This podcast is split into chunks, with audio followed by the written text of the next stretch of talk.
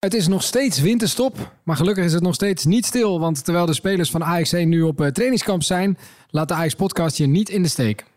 We gaan namelijk nog een keer luisteren naar een gesprek vanaf het Ajax Winterfestival. Daar hadden we de kans om met mooie Ajax-namen te spreken. Samen met schijnend huisfotograaf Louis van der Vuurst spraken we onder andere John Steen Olsen en Gerard van der Lem. Vandaag het gesprek dat we hadden met Ronald de Boer.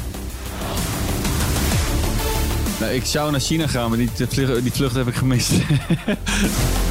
we hebben natuurlijk, uh, kunnen we gewoon hardop zeggen, een van de beste jeugdopleidingen ter wereld. Denk, bij Alvarez bijvoorbeeld, dat ik hem uh, niet echt een middenvelder vond in mijn ogen. Daar krijg je natuurlijk van zijn zaakwaarnemer een, een appje. Dus, uh, en ik heb 20.000 Mexicaanse vrienden erbij.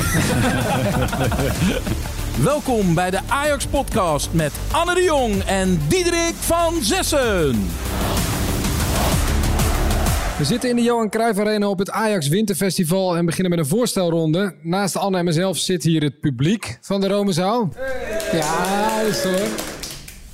Uh, en de man die 30 jaar Ajax huisfotograaf is geweest. En van wie de club onlangs nog een uh, boek uitgaf met zijn mooiste foto's. Hij kent iedereen bij Ajax, Louis van der Vuurst. Dankjewel. Ja, met z'n drieën gaan we in gesprek met een Ajax-legende die heel veel als analist te zien was uh, de afgelopen tijd op televisie. Maar nu ook weer terug bij Ajax is. Ronald de Boer, welkom. Dankjewel. Ronald, we hadden het er gisteren met Louis over uh, dat jij hier aan tafel zat. En dat je natuurlijk ook bij Ajax uh, werkte. Toen zei Louis, die vroeg aan mij, wat doet hij dan eigenlijk precies bij Ajax? nou, ik ben ambassadeur van, van Ajax. En dat is verdeeld in ja, zeg, drie aspecten. Dat is één uh, ambassadeurschap uh, zeg maar binnenland, evenementen die gerelateerd zijn aan Ajax. Daar word ik voor ingezet. Uh, tweede is buitenlandse evenementen en activiteiten. Hè. Ajax heeft ook natuurlijk samenwerkingsverband in China, in Japan, in Zuid-Afrika. Wat was je laatste trip? Nou, ik zou naar China gaan, maar die, vlucht, die vlucht heb ik gemist. Wie er is nou een mooi docu op uh, waar ik ook eigenlijk had in moeten staan. Maar, uh, maar daar, uh, ik miste de, het vliegtuig, dat heb ik nog nooit gedaan. Maar het was een beetje miscommunicatie. Maar daarvoor zijn we geweest met Ajax natuurlijk naar Amerika. Wat een hele leuke trip was om te voelen van... Kunnen we, dat, kunnen we wat betekenen voor, voor het Amerikaanse voetbal? En wij denken van wel, want... wij hebben natuurlijk kunnen we gewoon hardop zeggen, een van de beste jeugdopleidingen ter wereld. En ik denk dat ze dat uh, hard nodig hebben daar. En uh, als derde sta ik twee dagen in, in de week op het veld. Bij het, de onder 19 en onder 17. En dan ben ik ook nog als mentor van drie toptalenten. Dus, dat en, en wat doe je dan als mentor?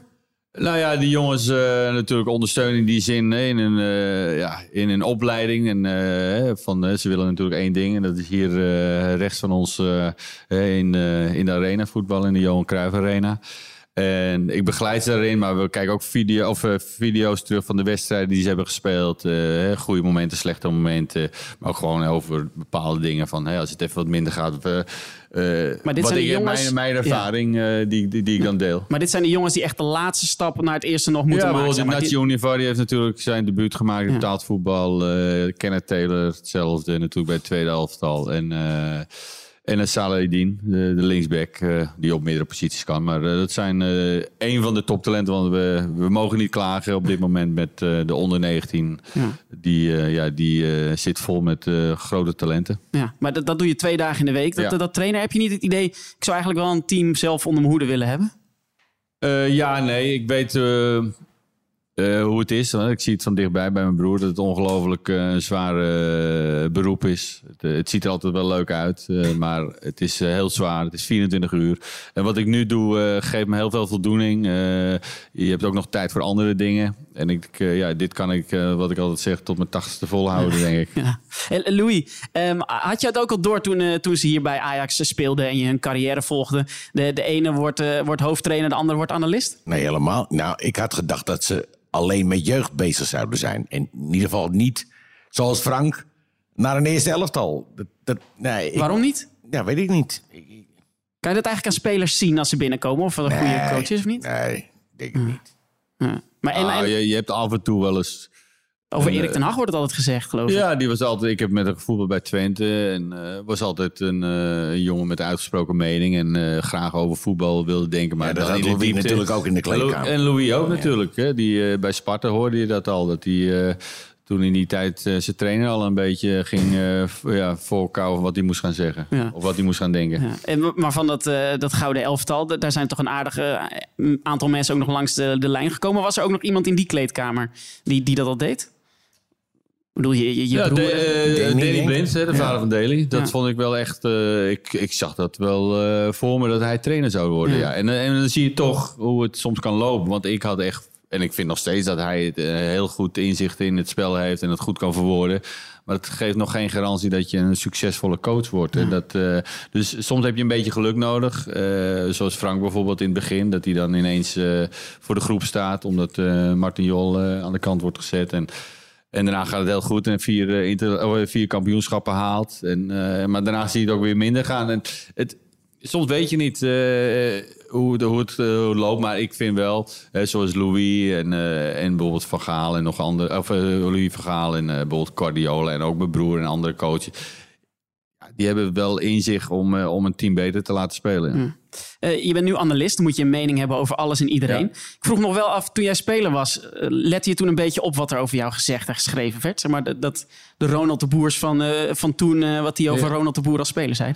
Tuurlijk lees je, of, lees je dat. Alleen het is nu eh vertwintigvoudig, zeg maar. De social media, alles wordt natuurlijk eh, op Twitter eh, of op, eh, zeg maar op social media gekwakt over, een, op een, over een mening of over een speler. positief of negatief. En het is nu denk ik een stuk lastiger. ook omdat je dan, ja, je wordt toch onbewust toch een beetje beïnvloed. En in mijn tijd was dat natuurlijk alleen de kranten. En verder had je niet zoveel. En dan een beetje televisie en dat en dit was het. En dat denk ik dat dat eh, ja, wel lekkerder was. Als ik nu moet kijken van waar die jongens mee om moeten gaan. Hè, de druk is al hoog, zeker als je bij een topclub speelt als Ajax. Eh, elke week eh, moet je een eh, topprestatie leveren. Eh, lukt het niet, dan heb je drie of vier dagen of vijf dagen de tijd eh, eh, om het te herstellen. Maar je hebt wel vijf dagen echt eh, ja, eh, de P erin, maar ook gewoon de stress, want iedereen heeft een mening over je. Het is een stuk zwaarder geworden. En, eh, dus ik benijd ze op dat moment niet. En ja, ik zit nu zelf ook natuurlijk waar ik soms kritiek moet leveren. Hè? En, dus dat, ja, het is Maar gewoon... tegelijkertijd zit je ook bij Ajax, zeg je net dat je mentor bent. Stel Nassi Unovar eh, komt in het eerste en bakt er dan vervolgens niks van. Ga je hem dan bij de enkels afzagen?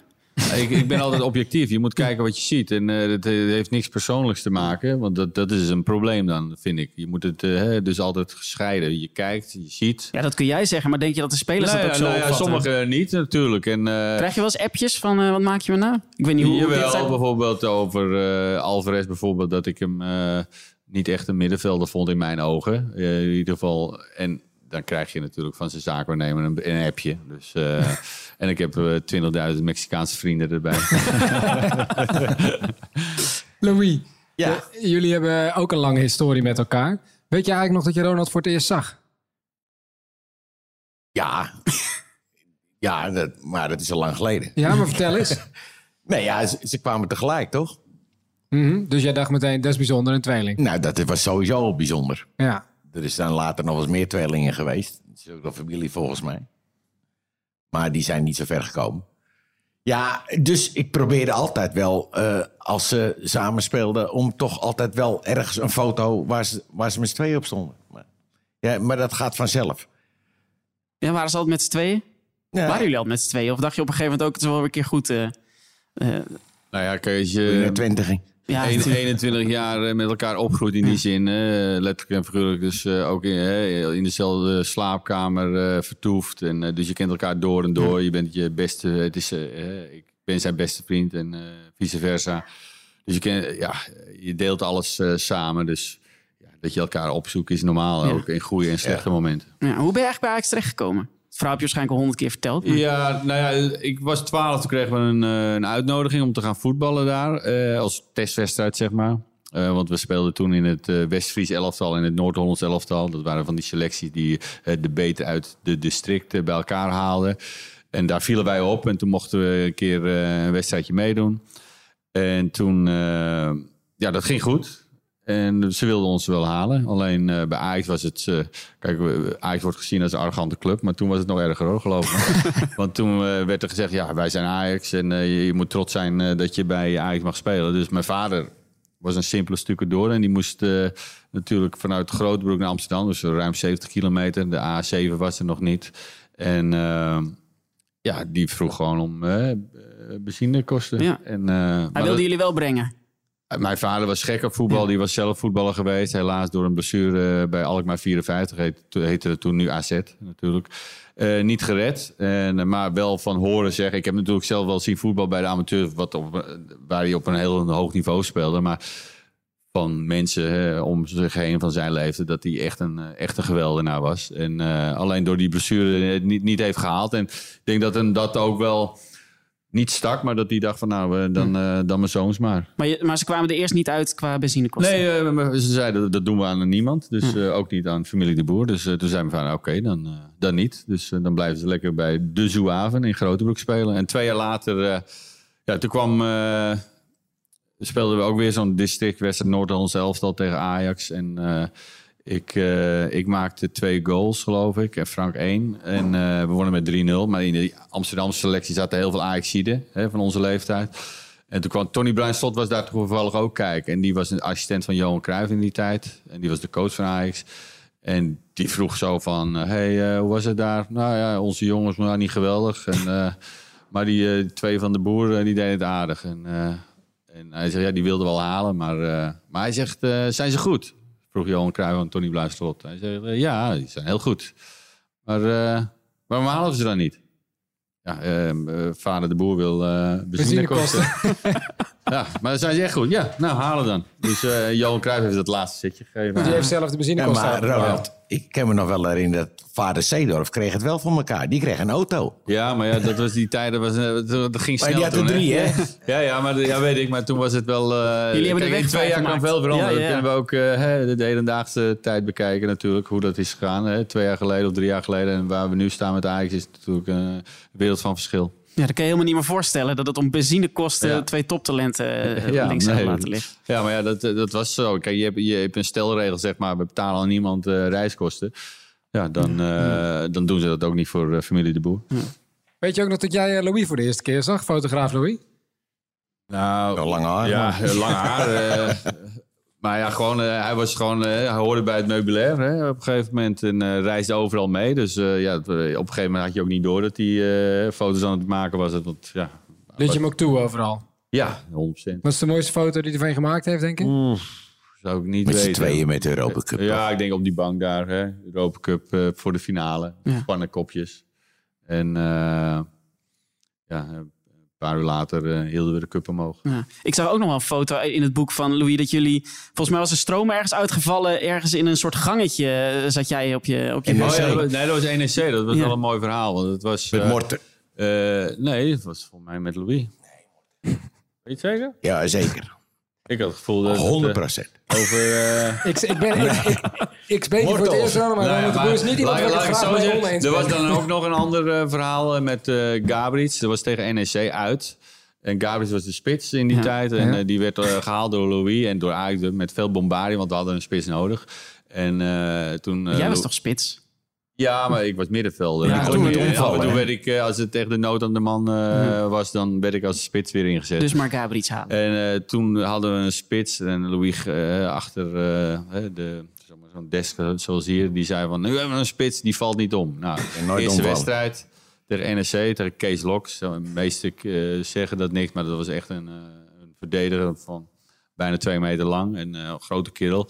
En Gabriels viel in en die lag alleen maar op zijn kont. Die heeft geen bal geraakt en wij dachten van, ja, je zag ook direct eigenlijk van, dit is niet een geweldige voetballer. En toen gingen we dus naar die kleedkamer toe. En toen weet ik nog dat Frank ongelooflijk kwaad werd. En die zei van eh, de bekende woorden van... Welke Mongool heeft deze speler gehaald? en eh, ja, iedereen was een beetje verbolgen over zo'n speler die eh, ja, Als ster werd de gekocht. ster gekocht. En die, die kon er helemaal niets van. Ja. Wat overigens wel een heel aardige vent was trouwens. En ik heb zijn zaakwaarnemer twee jaar later teruggezien. Hij was ook zaakwaarnemer van eh, Gabriel Batistuta.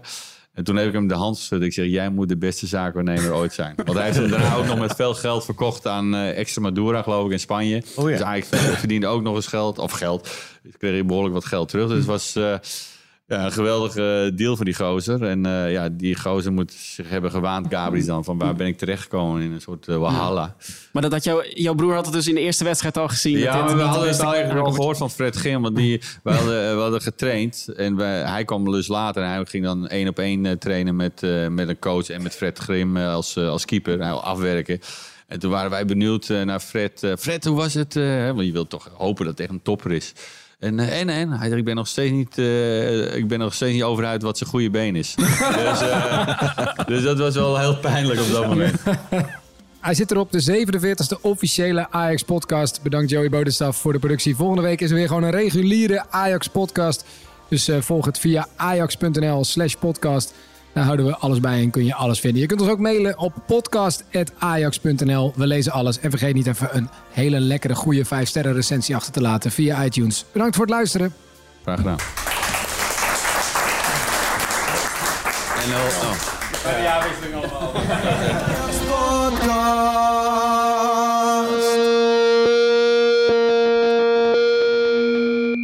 Dank u wel voor uw bezoek aan de Ajax Podcast. We hopen u aanstaande maandag weer terug te horen. En voor nu, wel thuis.